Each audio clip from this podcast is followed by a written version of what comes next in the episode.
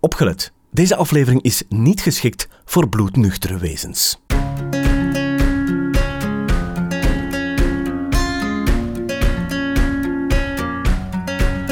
Dit is het tweede seizoen van Potvol Geluk. Geen zware theorieën, geen rocket science, maar pure ervaringen, recht uit het leven gegrepen. Waarmee we jou willen inspireren om het geluk te vinden en dat van anderen te optimaliseren.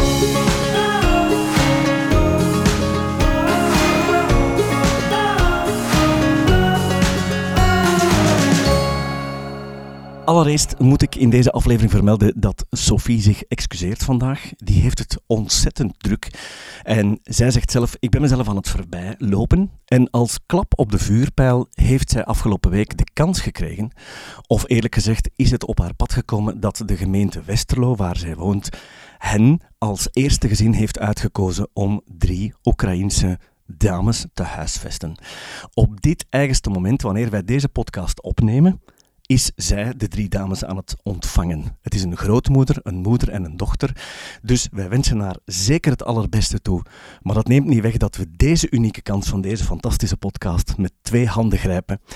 Want we hebben iemand die het levende bewijs is van wat dat ze zegt. Ik zou zeggen, Sophia Govaerts. Hartelijk welkom in onze studio. Dankjewel, Luc. En ik wil dit zo beginnen zoals ik het nu doe, want een paar uur geleden had ik een vriendin op bezoek en die zegt tegen mij: Zeg, ik heb voor jou een interessante gasten.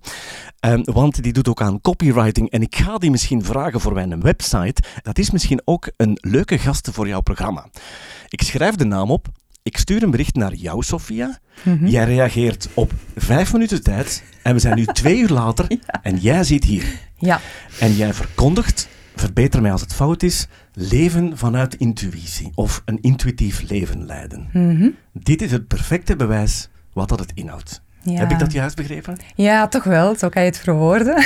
Klopt. Ik noem het ook wel eens leven in volle overgave, omdat ik daarmee ja, bedoel en ook echt wil leven, wil voorleven, uh, dat je echt vanuit je buik ja kan zeggen tegen het leven, hè, om met een yes-attitude in het leven te staan. En dit is daar inderdaad een voorbeeld mhm. van. Ik had andere plannen, maar ja goed, plannen, hè, daar lacht men wel eens mee. Uh, hierboven zeggen ze wel eens. Dus uh, ja, ik voelde een hele grote ja en dan kom ik gewoon af. Zo simpel is het voor mij. Ik vind het ook een gevaarlijke aflevering, want mensen gaan direct zeggen van ja, maar die heeft het gemakkelijk. Maar daar gaan we het straks over hebben. Ik noem het dan de vooroordelen mhm. of de excuses die andere mensen hebben van ja, Sofia kan dat makkelijk doen, want mhm. daar gaan we het straks even over hebben. Kan jij ons eerst meenemen naar wat precies voor jou hier vandaag in dit gekke land intuïtief leven betekent voor jou? Goh, ik denk dat het zowel in dit gekke land als eender waar ter wereld altijd betekent om zo dicht mogelijk bij onze kern te blijven. Want er is zoveel distraction in de wereld. Um, massa's prikkels, zeker de voorbije twee jaren. Hè. Ze hebben gebombardeerd met een boel informatie die eigenlijk uh, een hele grote leerschool was voor ons allen en nog steeds is om zo dicht mogelijk bij onszelf te blijven. En onze intuïtie niet uh, nog meer te gaan loslaten um, dan we misschien tot nu toe al aan het doen waren in deze inderdaad gekke maatschappij. Um, het is een kunst geworden, een levenskunst, om dat te kunnen blijven doen. Mm -hmm. En om desondanks alle angsten die de wereld worden ingestuurd en alle vibraties die in die eh, trend uh, en, en, en groepering zitten, om die toch te gaan overstijgen en ja, vanuit je buik te durven blijven leven, om aan jezelf trouw te blijven en van daaruit in het leven te staan en ja, keuzes te maken. Mhm. Kan je die uh, distractions nader verklaren? Mag ik daaronder klasseren de excuses of de gemakkelijke clichés waarom we iets niet doen? Bijvoorbeeld, ja. Ik denk dat de mensheid behoorlijk vol zit. Um, en dat zeg ik zonder oordeel, want dat is nu eenmaal zo gekomen in de loop der tijd. En ze hebben het ons ook niet gemakkelijk gemaakt. Hè. In de maatschappij verwacht men heel veel van ons. Dus mensen zitten zelf ook vol ondertussen met verwachtingen hè, ten opzichte van zichzelf, maar die eigenlijk heel vaak allereerst van buitenaf op ons zijn uh, uh, opgelegd. Ons zijn opgelegd geweest. En um, overtuigingen. We zitten ook met een boel overtuigingen in ons hoofd. Uh, excuses is daar inderdaad een onderdeel van. Maar ook andere overtuigingen die ons helemaal niet dienen. Die onszelf naar beneden halen. Die vertellen dat we iets niet kunnen of maar beter niet doen, want. En ga zo maar door. En daar zitten wij behoorlijk vol van in deze westerse wereld. Mhm. En een hoofd en een lijf en cellen, hè, want uh, dat is wie wij zijn als mens. Uh, een boel cellen op elkaar gepakt. Als al die cellen vibreren in termen van nee, laat ons dat maar niet doen, want ja, dan is het heel moeilijk om nog bij onze intuïtie te komen. Om te voelen wat eigenlijk echt in ons leeft. Uh, wat we eigenlijk echt ja, um, zouden kunnen creëren in deze wereld. Want we zijn allemaal creatieve wezens die hier zijn met een missie, met een doel. Mm -hmm. En uh, daar worden we allemaal een beetje van afge... Ja, getrokken zeg maar, door al die distractions. Ja. Dus hoe meer ruimte we in onszelf kunnen creëren om dat wel weer toe te laten, uh, hoe meer mooie dingen we kunnen neerzetten, denk ik dan. Ja, want die beslissingen kunnen we enerzijds met ons mentale benaderen, mm -hmm. anderzijds ook met het gevoel, waar ik direct wil op terugkomen. Mm -hmm. Maar al, het mentale gebruik ik soms in de coachings en dan zeg ik, kijk, je kan maar twee kanten uit. Je neemt de beslissing om het plezier te versterken, of omdat de angst te groot is om iets te doen en hmm. die angst die gaat jou zeggen, nee, ik ga het niet doen. Dus enerzijds de angst waardoor je het niet doet, anderzijds het plezier versterken waardoor je het wel doet. Mhm. Maar ik heb het gevoel dat jij nog een andere benadering hebt, dat jij een intuïtieve benadering hebt. En ik vermoed dat dit voor veel luisteraars toch wel voorlopig nog de ver van mijn bedshow is. Dus wat raad jij ons aan om dichter bij die intuïtie te komen? Hmm, hmm. Ja, mooie vraag. Want um, het klopt inderdaad dat angst ons dus weghoudt van uh, intuïtief in het leven te durven staan. Hè. Soms hoor ik mensen wel eens zeggen: Ja, maar Sofia, ik vind dat toch wel heel moedig hoor, hoe jij in het leven staat.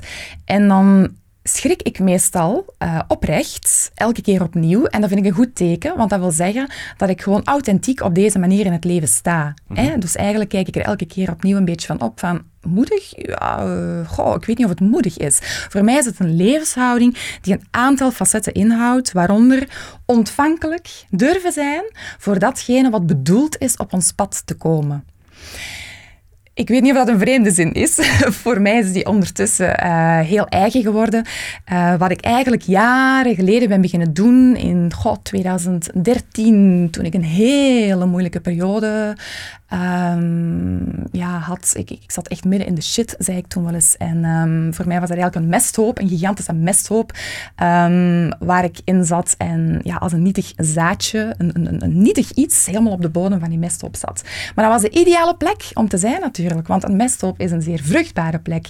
En een zaadje gaat zich ook nooit afvragen, hey, uh, de zon schijnt toch wel daarboven, hè? want uh, ik heb die wel nodig. Of hey, het gaat toch wel eens regenen af en toe, hè? want ik heb water nodig ook wij als mens hoeven ons dat eigenlijk niet af te vragen. Eigenlijk hebben we alles om te kunnen groeien, om vanuit onze intuïtie, vanuit onze buik, hè, te kunnen groeien als mens, als wezen, met alles hè, wat we zijn. Dus die ontvankelijke houding en die overgave, dat vertrouwen, um, is ontzettend belangrijk. En ik heb destijds dat eigenlijk um, heel concreet gemaakt door telkens in de ochtend de dag te beginnen, door mezelf eigenlijk helemaal open te stellen. Dus echt mijn armen helemaal open te vouwen, mij helemaal uit te strekken en mij naar de hemel te richten, zeg maar. um, omdat ik toen op dat moment helemaal niet meer wist hoe ik het in godsnaam moest aanpakken. Ik was alles kwijt, ik voelde mij toen heel slecht ja, ik heb gezegd, how can I be of service? Dat was eigenlijk de zin. Hoe kan ik jullie van dienst zijn? Ja, hoe kan ik jou van dienst zijn? En dan had ik het zowel, zeg maar, tegen het collectief, mhm. tegen de wereld, het universum, whatever, hoe je het ook noemen wil, ja. en tegen mezelf. Want die zelfzorg, die ik tot dan toe niet voldoende had toegepast in mijn leven, ja. uh, die enkel kan voortkomen vanuit een gezond gevoel van zelfliefde, die was er te weinig tot op dat moment. En die ben ik beginnen toepassen op die manier. How can I be of service? Dus die ontvankelijke houding, waarbij je eigenlijk al dankbaarheid kan voelen. Want dat is een hele belangrijke sleutel voor datgene wat op je pad zal komen, nog voor het er is, erop vertrouwend dat het wel komen zal, is voor mij een gouden sleutel. En dat heeft jou gebracht op een pad dat voor jou nu als een automatische piloot aanvoelt.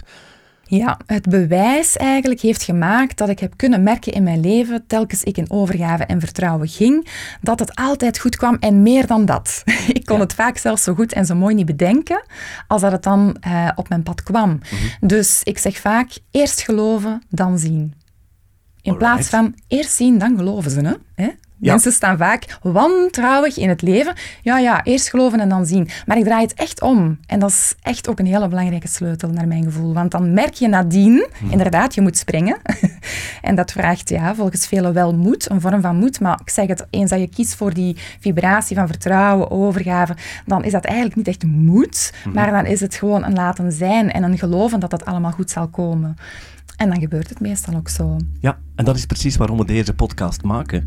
Mm. Maar eerlijk is eerlijk, heel veel mensen gaan eh, dit aanhoren met een heel groot vraagteken. Ja, dus mag. daarom stel ik voor, neem ons eens even mee in jouw leven. Wat betekent dat de dag van vandaag? Dat moedig zijn, dat pad waar je op leeft. Wat zijn zo wat de, de hoogtepunten waarop je zegt van kijk, voor deze, voor deze vorm van leven heb ik gekozen en dat doe ik elke dag met plezier.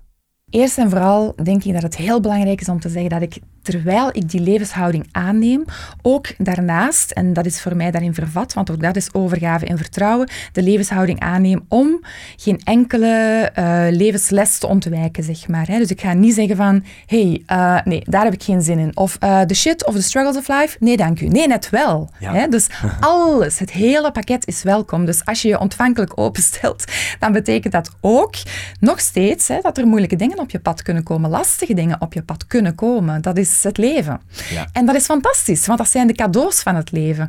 Ehm, vroeger, als, als er iets moeilijks gebeurde, dan, eh, ja, dan vond ik dat verschrikkelijk. En dan vond ik dat echt lastig. En mijn leven is ook best pittig en lastig geweest. Eh, misschien zelfs heel lastig, als ik dat mag zeggen. Eh, er zijn best een boel moeilijke dingen gepasseerd. Ehm, maar als je je daarvoor open durft stellen, net zozeer als voor het geluk en de schoonheid des levens en de positiviteit des levens, dan ga je merken dat eigenlijk die zogezegde tegenslagen eigenlijk ook voorspoed is, Ja. maar dan in een ander jasje. Ja. Hè? En eh, de lastigste eh, momenten des levens zijn vaak de grootste geschenken die we op ons pad krijgen. Ja. Dus dat wil ik sowieso gezegd hebben, want dat is key, dat is deel ervan. Eh, zonder dat kan je naar mijn gevoel niet in overgave leven, want als je alles zou onderdrukken bijvoorbeeld, wat er in je zit en wat verwerkt wil worden, traumastukken, whatever, alles, want ik heb heel wat shit mogen opkuisen in mijn Ja. leven, ja, dan ga je ook nooit de ruimte kunnen creëren in jezelf om vanuit die ontvankelijkheid mm, ja, met het leven in co-creatie te gaan, zeg maar. Zie je het zitten om zo'n paar shitmomenten te benoemen? Mm, zeker. Ik geloof in openheid, in eh, transparantie en authenticiteit.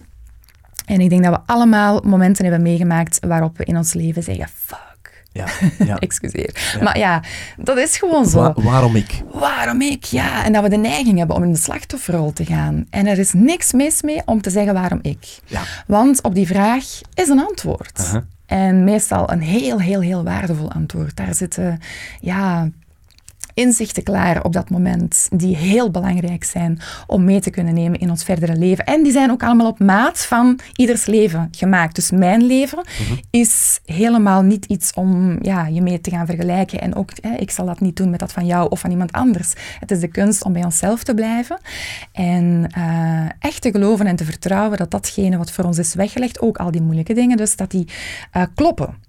En dat daar hele mooie levenslessen in zitten. En voor mij eh, was het bijvoorbeeld heel belangrijk om grenzen te leren stellen in mijn leven. Dus ik heb heel regelmatig mensen op mijn pad gekregen die los over mijn grenzen gingen. Op allerlei manieren. Echt op de meest gekke manieren. Van ja, ouders tot partners, toxische partners, als ik het zo kan zeggen. Eh, met ook weer alle begrip en dankbaarheid, want ze hebben mij zoveel geleerd. Ja. Ehm, ja, tot vrienden of eh, goh, verkopers of whatever. Eender wie eh, heeft mij in mijn leven best wel getriggerd om meer in mijn kracht te gaan staan en grenzen te leren aanvoelen. Want die waren ja, in mijn jongere jaren zo vaak overschreden dat ik niet meer wist, zeg maar, hoe het voelde als een grens ja, op een eh, normaal moment of een gezond moment overschreden wordt en het tijd is om op een gezonde manier ehm, een grens te gaan stellen. Dat kon ik helemaal niet meer. Dus voilà, daar heb ik heel veel lessen in gekregen. Ehm, of zoals in 2013, toen ik ehm, ja, een relatie moest loslaten waar ook een job aangekoppeld was, een woning aangekoppeld was, een wagen aangekoppeld was. Ehm, alles, eh, het hele pakket zeg maar, dus dat viel allemaal weg. En dan sta je op straat met je dozen. En dat is het dan. 33 jaar was ik toen. Ehm, eigenlijk heel gelukkig op dat moment in die relatie en toch poeh, Ja, ja. ontplofte het Ah, eh, voor mijn ogen. Het, het, het spatte gewoon uit elkaar, die droom op zich. En, maar dat was een illusie. Ik had een bepaalde verwachting blijkbaar gecreëerd van hey, wauw, dit is het leven waar ik van hou. Maar er lag nog iets veel beters voor mij klaar. Alleen kon ik dat toen nog niet weten. Ja. En dan was het dus de kunst om dat los te laten, in overgave te gaan en te vertrouwen dat ja, datgene wat nog niet in zicht is, er wel al is en op je pad zal komen wanneer je je er zelf voor openstelt. Ja, of met andere woorden, je hebt die foute man echt nodig om jou verder in het leven te brengen. Absoluut. Ja, ja, er is een goed boek over. Esther Jacobs heeft dat geschreven. Heb jij ook al een foute man? Zij is ook wereldreiziger, maar dat ben jij ook. Want jij reist veel. Je staat op het punt om alweer naar Costa Rica, heb ik net gehoord, te ver- verhuizen. Mag ik het zo zeggen? Want je weet niet voor hoe lang je gaat. Ik weet niet voor hoe lang. Het zou kunnen dat ik na twee maanden terug ben. Het zou kunnen dat ik twintig jaar weg blijf. Ik heb inderdaad helemaal geen idee. Is dat een onderdeel van intuïtief leven? Ja, absoluut. Want ehm, je zegt, ik, ja, je bent een wereldreizigster, maar dat ben ik zeker niet geworden bijvoorbeeld omdat ik het wou. Ja. Ehm, ik geloof ook niet erg in iets creëren of doen omdat je iets wil. Enfin, er is niks mis met iets te willen of te wensen of te voelen dat iets bij je past. Maar dit eh, is een roep, een calling, zeg maar. Dat land kwam op mijn pad op de meest gekke manieren. Ja, ik ja. kan het echt ja, nu niet in 1, 2, 3 allemaal opsommen hoe dat in zijn werk gegaan is. Maar dat was echt een ja, reeks van momenten die, eh, ja, als ik ze allemaal samenlegde, mij gewoon mm, deden beslissen om naar daar te gaan. Het land roept me. Ik weet daarom niet waarom met mijn hoofd, maar ik voel wel dat het tijd is om naar daar te gaan. Waarom? Dat zal ik ginds ontdekken. En dat vind ik heel moeilijk om uit te leggen wanneer ik die vraag krijg van cliënten in mijn coaching. Hoe voel je precies die intuïtie? Want wij verstaan elkaar als we zeggen wij voelen dat. Wat doet dat met je lichaam? Hoe kunnen wij dat onderscheid herkennen? Hmm. Ja, dat is een hele goede vraag. En ik geloof eerlijk gezegd ook dat die ten eerste moeilijk te beantwoorden is. Dus je geeft mij een moeilijke vraag hier nu. Daarom stel ik ze. Ja, maar dat is helemaal goed en heel terecht. En ik ga proberen om daar een, ja, eh, zo verrijkend mogelijk of zo inspirerend Prima. mogelijk antwoord op te geven. Ik geloof dat de tekens, zeg maar, hè, die we kunnen lezen, die op ons pad komen, voor iedereen ook wel lichtjes anders zouden kunnen zijn. Hè. Ik ben bijvoorbeeld onder andere ook een heel visueel iemand. Dat wil zeggen dat ik soms eigenlijk beelden krijg.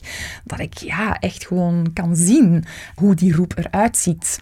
Of ja, dat er gewoon eh, op één maand tijd, laat ons zeggen, ehm, van de 30 dagen die er dan in die maand zijn, minstens 20 dagen zijn waarop Costa Rica op mijn pad komt. Hè. Lees ik het niet ergens, dan vertelt iemand erover. Of eh, ja, passeert er iets van op Facebook. Of ehm, vind je ergens onderaan in een doos een voorwerpje eh, waarop Costa Rica staat. Of whatever. Ehm, eh, het zit hem in de kleinste dingen. Maar die kan je en mag je eigenlijk niet negeren. Ik heb het in mijn leven ook wel eens gedaan hoor. Getwijfeld. En met mijn hoofd mij beginnen afvragen. Ja, maar zijn dit nu tekens of maak ik er dat maar van? Ja, het zal wel niks zijn. En dat kan over hele kleine dingen gaan. Maar als je dat dan negeert, dan merk je nadien. Ja. Ik had het wel moeten Het doet volgen. een beetje pijn, hè?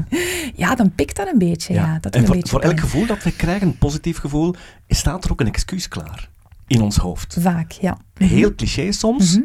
want Mhm. ik wil zo dadelijk wel even advocaat van de duivel spelen daar, want we zijn Doe er zo wel wat. Hè. Ja. Bijvoorbeeld, ik kan mij best inbeelden dat men tegen jou zegt, ja, je hebt geluk, want je bent alleen of je hebt geen kinderen. Dat Mhm. krijgen we allemaal, toch? Ja, ja, ja, klopt. En dat zijn inderdaad ook letterlijk zaken die mij wel eens gevraagd worden of gewoon gezegd worden.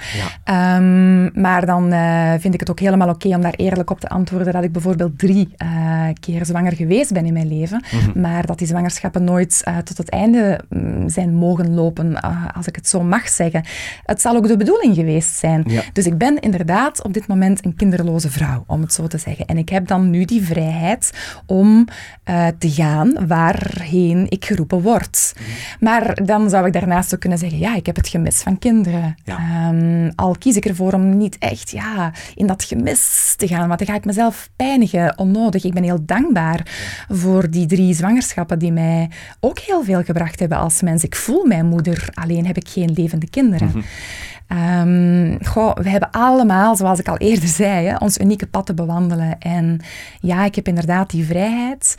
Mm, maar die is er gekomen deels doordat het leven gelopen is zoals het liep, uh, met alle pijn van dien destijds ook. Dus ja, ik probeer alles te aanvaarden zoals het komt. En telkens opnieuw merk ik dat hoe meer ik in die zachtheid en aanvaarding ga, naast al het verdriet een ruimte te geven, de nodige ruimte te geven, uiteraard. Hè, want ik ben uh, absolute voorstander van uh, diepe heling, uh, rouwprocessen volledig aan te gaan en te huilen zoveel als moet. Ja. um, maar om toch hè, dan, want net dan maakt dat je tot die zachtheid kan komen, te aanvaarden dat alles is zoals het bedoeld is te zijn. Op dit moment denk ik dan dat de mensen die jou die naijver of die jaloezie in jouw schoot werpen, dat dat een hele moeilijke balansoefening is en laat dit nu hier en nu een beetje inspiratie zijn voor mensen die soms ook al eens zo'n jaloerse opmerking geven van je hebt geluk, want je hebt geen kinderen, terwijl ze niet helemaal weten wat, waar je doorgegaan bent. En ik vermoed dat we dat allemaal wel eens doen. Ja, ik, ik begrijp dat mensen zulke dingen zeggen. Ze, zeker als ze mijn uh, geschiedenis hè, tot voor kort of zo helemaal niet kennen. Dat is oké. Okay. Uh, dat is natuurlijk een vorm van een oordeel misschien, hè, dat, maar dat is iets wat mensen doen. Hè. Dat is zeer, zeer menselijk en ik heb daar op zich alle begrip voor. Ik ga dat al zeker niet persoonlijk nemen of mij dat aantrekken, want dan ga ik mezelf ook weer iets aandoen. Hè. Dat is dan weer de keuze die ik heb. Hoe ga ik met die dingen om? Dat is de keuze die we altijd eh, met alles in principe hebben in het ja. leven. Hè. wat er op ons pad komt, hebben we misschien niet allemaal in de hand. Sommige dingen komen op ons af, uh, maar wel hoe we ermee omgaan. Dus ik heb daar zeker geen hard feelings uh, tegenover. Ik denk gewoon dat het uh, de kunst is om, ja, in mijn geval, bij mezelf te blijven. en gewoon mijn pad te blijven lopen en ja, bewandelen, creëren zoals ik dat doe. En er zijn steeds meer en meer mensen die dat wel absoluut heel inspirerend vinden. Hoe langer ik dit doe eigenlijk, hoe minder commentaar tussen haakjes er komt. En dat is ook heel fijn om te merken. Want het was ooit anders natuurlijk. Hè. Eh, ik leefde vroeger een ander leven. Al heb ik wel altijd een hele fijne connectie gehad zeg maar, met de hogere wijsheid des levens. Zoals bijvoorbeeld? Goh ja, die connectie met, met, met dat, dat, dat veld rondom ons, dat kwantumveld. Alles is energie. We zijn omringd door energie, we zijn energie, alles is energie. En als je dat weet en beseft, dan ga je ook heel zorgvuldig omspringen met je eigen energie. Dan ga je zorgen dat die zo goed mogelijk zit. Is het dan fout om je slecht te voelen en mogen bad vibrations er dan niet meer zijn? Ja, tuurlijk wel. Net wel. Hè, zoals ik daarnet al zei. Dat mag er allemaal zijn. Dat dient tot iets. Uh, daar zit ook altijd een boodschap in. Hè. Als je je boos voelt, dan wil dat iets zeggen. Als je verdrietig bent, wil dat iets zeggen. Dus vraag aan jouw gevoelens wat ze jou komen vertellen. Uh, dat doe ik ook altijd. En dan word ik daar meestal instant wijzer uit. En dan kan je dat ook vrij snel weer loslaten en doorgaan. Dus um, ja, alles is energie en zorg dragen voor onze persoonlijke frequentie, zeg maar, hè, trilling, is heel belangrijk, want wij hebben allemaal een hart. En ons hart is zo'n beetje ja, de zetel van onze ziel, maar ook um, een orgaan met een elektromagnetisch veld. En dat communiceert met het kwantumveld. Dus als wij vanuit ons hart zoals ik daar straks zei, ontvankelijk en met dankbaarheid, hè, to pay it forward, uh, in het leven kunnen staan, dan uh, gaat ons elektromagnetisch veld communiceren met het grote elektromagnetische veld buiten ons. Wat eigenlijk ook weer helemaal verbonden is met ons, want niks is losstaand. En dan gebeurt magie. Ik vind het zo jammer dat de luisteraar nu niet jouw handbewegingen kan zien. Want je legt het met hand en tand uit. En dat bevestigt wat ik voelde toen ik daar straks op jouw website ging eh, snuisteren. Want daar stond alchemie van, van geluk betekent voor jou let's take a quantum leap to true happiness and overall well-being. Together we can do this of in het Nederlands laten we een kwantumsprong maken, uh, naar echt geluk en algemeen welzijn. Samen kunnen we dit. Dit lijkt mij, of dit bewerkstelligen van wat je net vertelde, en het vooral samen doen, hmm. dat lijkt mij een van jouw grote dingen te zijn. Ja, dat klopt helemaal. Dat zeg je heel mooi. ja. en dat is eigenlijk echt het beeld dat ik als kind al had. Wow. Um, ik um, ja, ben in een niet zo positief nest, hè, in een niet zo positief vibrerend nest opgegroeid, zeg maar. Ja, ja. En nu met alle respect voor mijn ouders, hè. absoluut. Ja, begrijp ik, Eh, ja. maar ik vind dat dat ja, mag gezegd worden, Ja. want, want ik bedoel daar helemaal niks slecht mee, maar Eigen- het was gewoon zo. Eigenlijk had je de perfecte tools om te komen waar je nu bent. Absoluut, dat is helemaal zo. Want ik heb heel veel kansen gekregen om te oefenen, om met eh, die vibrations zeg maar, om te gaan en om ze om te leren polen. Mhm. En ik zag als kind gewoon altijd een hele mooie, liefdevolle wereld. Ik dacht, laat ons toch gewoon lief zijn voor elkaar. Dat was een beetje mijn mantra. Dat zei ik als kind heel vaak in ons gezin. Eh, wat mij vreemd genoeg, of net heel logisch, of eh, het is te zien van welke kant je het bekijkt, maar dat werd mij niet altijd in dank afgenomen. Mhm. Maar ik ben altijd een beetje een vredestijdster geweest. Ehm, Dat is duidelijk. ja. maar waarom ook niet, denk ik dan? Ja. Mhm. Ik zie dat potentieel dat wij als individu allemaal bezitten. En als je dat dan samenlegt, als we het dan samen gaan doen, ja, wat kan je dan allemaal wel niet creëren? Dat is toch fenomenaal? En die mogelijkheid bezitten wij allemaal. En ik zeg heel vaak dat we niks moeten in het leven. Ik probeer het woord moeten eigenlijk zo weinig mogelijk te gebruiken. Alleen op momenten dat het gaat over onze missie of onze taak hier, zou ik haast geneigd zijn, niet helemaal, maar zou ik haast geneigd zijn om te zeggen dat we ja, dat moeten doen. Daar zijn we voor gekomen. Dat dat een soort van verplichting is, als ik dat woord al in mijn mond mag nemen. Ik, ik zal het quoteren, maar goed. Eh, om ja, het beste uit onszelf te halen, om de best mogelijke versie van onszelf te zijn. Want als we dat allemaal zouden doen, ja, dan hebben we toch meteen een prachtige wereld om in te leven. En dat is misschien een naïef wereldbeeld, dat klopt, maar ik vind het belangrijk om dat toch te blijven zien. Want als ik daar al aan zou gaan peuzelen en dat een beetje naar beneden ga halen en ga zeggen, ja, echt haalbaar zal dat misschien niet zijn, en ik leg die lat lager en we leggen met z'n allen de lat heel laag, ja, dan eh, gaan we ook nooit eh, kunnen geraken waar we misschien graag zouden willen geraken. Dus in dat opzicht vind ik het heel fijn om wel die zogezegde lat hoog te leggen. Daar is niks mis mee. Dat heeft weinig met perfectionisme te maken, maar gewoon met ja, opportunistisch in het leven durven staan en geloven dat we wel degelijk een verschil kunnen maken. Groot of klein. Laten we eens kijken naar waar jij wil uitkomen. Want je reist heel veel. Je hebt daar heel veel voldoening van. Maar waarvoor doe je dit? Als ik de deel 1 van jouw vraag zou beantwoorden, waar wil je uitkomen, dan zou ik zeggen, daar waar ik hoor te zijn. Ik ehm, wil niet per se ergens uitkomen of zo. Ik kan dat nu ook nog niet zien. Ik ehm, zou het voor mezelf alleszins eh, een beetje pretentieus of zo vinden. Ik weet niet, dat past gewoon niet meer binnen de levenshouding die ik aanneem op dit moment. Om dan te gaan zeggen, ja, daar wil ik uitkomen. Wat ik wel natuurlijk eh, dagelijks nastreef, op een zo relaxed mogelijke manier. Want het is niet omdat je een lat hoog legt dat dat dan ook betekent van, eh, ja, dat moet of nee, niks van. Hè. Echt wel op een ontspannen manier. Maar ik hou er wel van om te blijven groeien als mens. Iedere ochtend zeg ik eigenlijk tegen het leven, hè, met hoofdletter L, het leven aan zich, van eh, how can I be of service? En als ik dat kan blijven doen tot de laatste dag van dit menselijke bestaan, ja, dan kan ik alleen maar heel dankbaar zijn. Wat dat dan ook mogen inhouden. Want dat verandert eigenlijk continu. Ik heb ooit eh, les gegeven, ik ben ooit opvoedster geweest, ik heb eh, stagebegeleiding gegeven aan de hogeschool. Ehm, ik ben massagetherapeute geweest. Ik heb een eh, soort van centrum gerund, eh, workshops gegeven. Ik heb een permacultuurproject gehad. Eh, ik heb op het podium gestaan, in musicals gespeeld. Ehm, een beetje van alles. En dat is het leuke aan dit leven, dat blijkbaar het leven zelf op heel veel verschillende manieren door mij heen wil stromen. En dat ik telkens een andere rol krijg toebedeeld. En eigenlijk had ik daar als klein meisje al zin in. Want ik herinner me nog dat toen ze zeiden in de klas dat we moesten gaan kiezen wat we later wilden worden, dat ik dacht, maar ik wil helemaal niet kiezen. Er zijn zoveel leuke dingen om te doen. Ik zou het allemaal wel eens willen doen. En eigenlijk is dat op dit moment al goed gelukt. ja, dus tot nu toe heb ik al heel veel verschillende dingen mogen doen. En ook dat boek, ja, dat is er gekomen. Dat is door mij heen gestroomd. Ehm, beginnen stromen op een dag mm, zonder dat ik eigenlijk voorzien had dat ik dat boek ging schrijven. Want ik was eigenlijk een ander boek aan het schrijven dat er op dit moment nog helemaal niet is, bijvoorbeeld. Dus ook daar, en dat had ik niet in de hand. Maar dat stroomde. En ehm, dat bracht dan weer die lezingen eh, met zich voort, en zo verder enzovoort. Ja, het boek heet Leven in volle overgave. Mhm.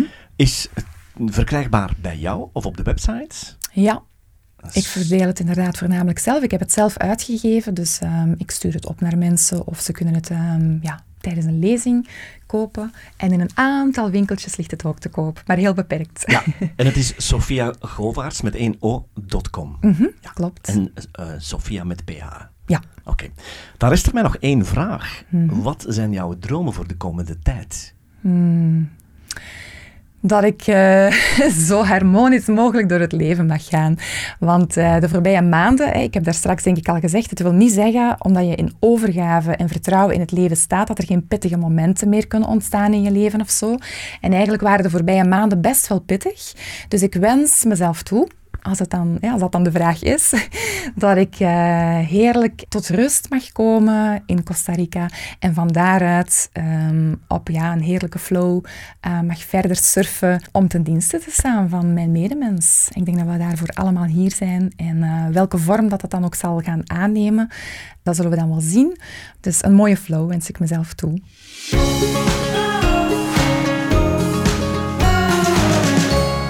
Meteen na de opname vertrok Sofia naar Costa Rica. We bellen haar zes weken later. Hallo, hallo. Goedemorgen, Sofia. Hey, dag Luc. Ik zeg goedemorgen, want het is een heel groot tijdsverschil waar jij nu woont, ja. of werkt, of leeft. Ja, klopt. dus automatisch de vraag, hoe is het kinder? Goed. Ja, heel bijzonder en vooral heel krachtig. Overgave is een prachtig iets, zeker op plekken zoals deze. En dan komen de mooiste dingen naar boven. Wat zijn uiteindelijk nu, de dag van vandaag, nu je in Costa Rica gearriveerd bent, wat zijn de consequenties van jouw keuze om, zeg maar, toch een beetje onwetend naar daar te gaan? Wat heb je zoal beleefd en op je pad gekregen? Mm consequenties, dat is vaak een woord dat we in negatieve zin gebruiken. En ik vind het heerlijk om dat nu in positieve zin te mogen gebruiken, want uiteindelijk klopt alles. Ik hou van positieve consequenties in die zin dat ik ze ten eerste wil bekijken als positieve consequenties. Alles is een keuze, perceptie. Dat hebben we altijd zelf in de hand. Uh, misschien niet alles wat op ons pad komt exact, maar zeker de manier hoe we daarmee omgaan. Dus consequenties, ja, massa's. Ik had uh, enkel een kamer geboekt voor de eerste twee dagen na aankomst bijvoorbeeld. En uh, ja, dan besloten mijn darmen om in een of ander heel boeiend proces te gaan. Dus de uh, energie van het land kwam al meteen tot actie. Heel plastisch omschreven. Ja. Ik kreeg ja. echt gewoon een gratis cleansing. En uh, ja, ik had geen andere keuze dan mij er helemaal aan over te geven en te hopen dat ik die kamer kon verlengen. En dat lukte dan bijvoorbeeld. Dus ja, vertrouwen, vertrouwen, vertrouwen was meteen de eerste sleutel. Uh -huh. En eigenlijk altijd de, een van de belangrijkste sleutels in het leven. Want als er onverwachte dingen of consequenties ja, van een keuze die je maakt of om in overgave te leven op je pad komen, dan kan je die maar beter verwelkomen met zoveel mogelijk vertrouwen. Sofia, we, we hebben mensen heel benieuwd gemaakt uiteraard naar het resultaat van, van jouw ingegeven reis, zeg maar. Kan je voor ons even vertellen hoe jij in de praktijk ervaart hoe de nieuwe zaken op jouw pad gegooid worden, hoe die synchroniciteit geactiveerd wordt? Heb je zo'n voorbeeld voor ons? Goh, dat gebeurt echt op zoveel verschillende manieren.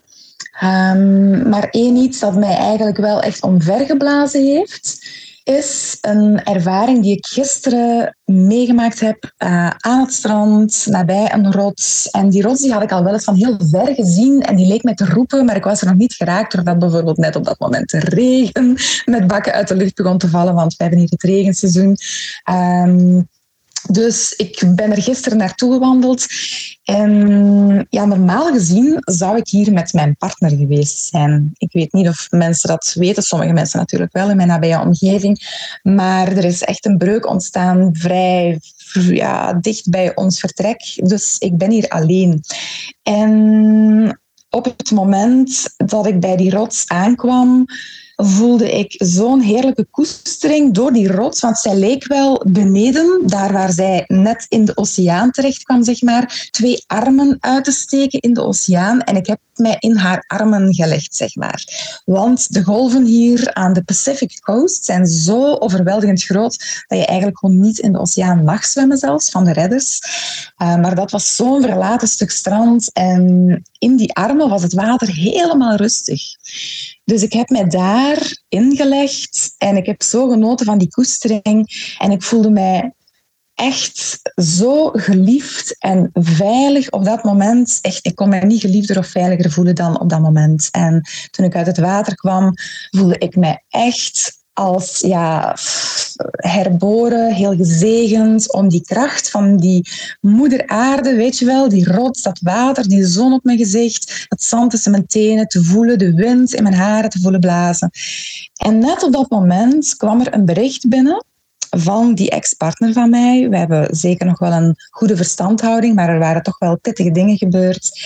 Um, onder andere door onwetendheid en zo. En zijn mail stond bol van dankbaarheid en excuses, oprechte, welgemeende, hele mooie excuses. Niet dat moest, ik zat er niet op te wachten of zo, maar het kwam gewoon. Mhm. En dat mannelijke, dat op dat moment, zich nadat ik zo'n vrouwelijk zacht, intiem moment beleefd had met die natuur, zich kwetsbaar naar mij toe opstelde en open en eerlijk, zoals een golf zich op het strand bewogen, die excuses en, en welgemeende prachtige wensen, was zo mooi en helend dat ik gewoon in tranen ben uitgebarsten. Heerlijk. En alsof het nog niet genoeg was, was er een andere ex-partner. Ik weet dat dit een heel persoonlijke sharing is, maar die mij ook net dan tien minuten later een bericht stuurde, terwijl ik nog altijd op dat strand zat, mijn tranen uh, opgedroogd waren, zoute korreltjes op mijn vangen hadden achtergelaten, die ook met eenzelfde soort bericht naar mij toe kwam. Dus ik werd gewoon overspoeld op het strand, te midden van de golven, met die mannelijke golven vol dankbaarheid, klaar om het vrouwelijke, de vrouwelijke kracht, die ook steeds meer en meer in de wereld omarmd wordt nu. En zij eerden dat echt. Dus ik kan eigenlijk amper in woorden omschrijven wat een ongelooflijk mooi geschenk dat was. Niet alleen voor mij, maar naar mijn gevoel voor het hele vrouwelijke collectief.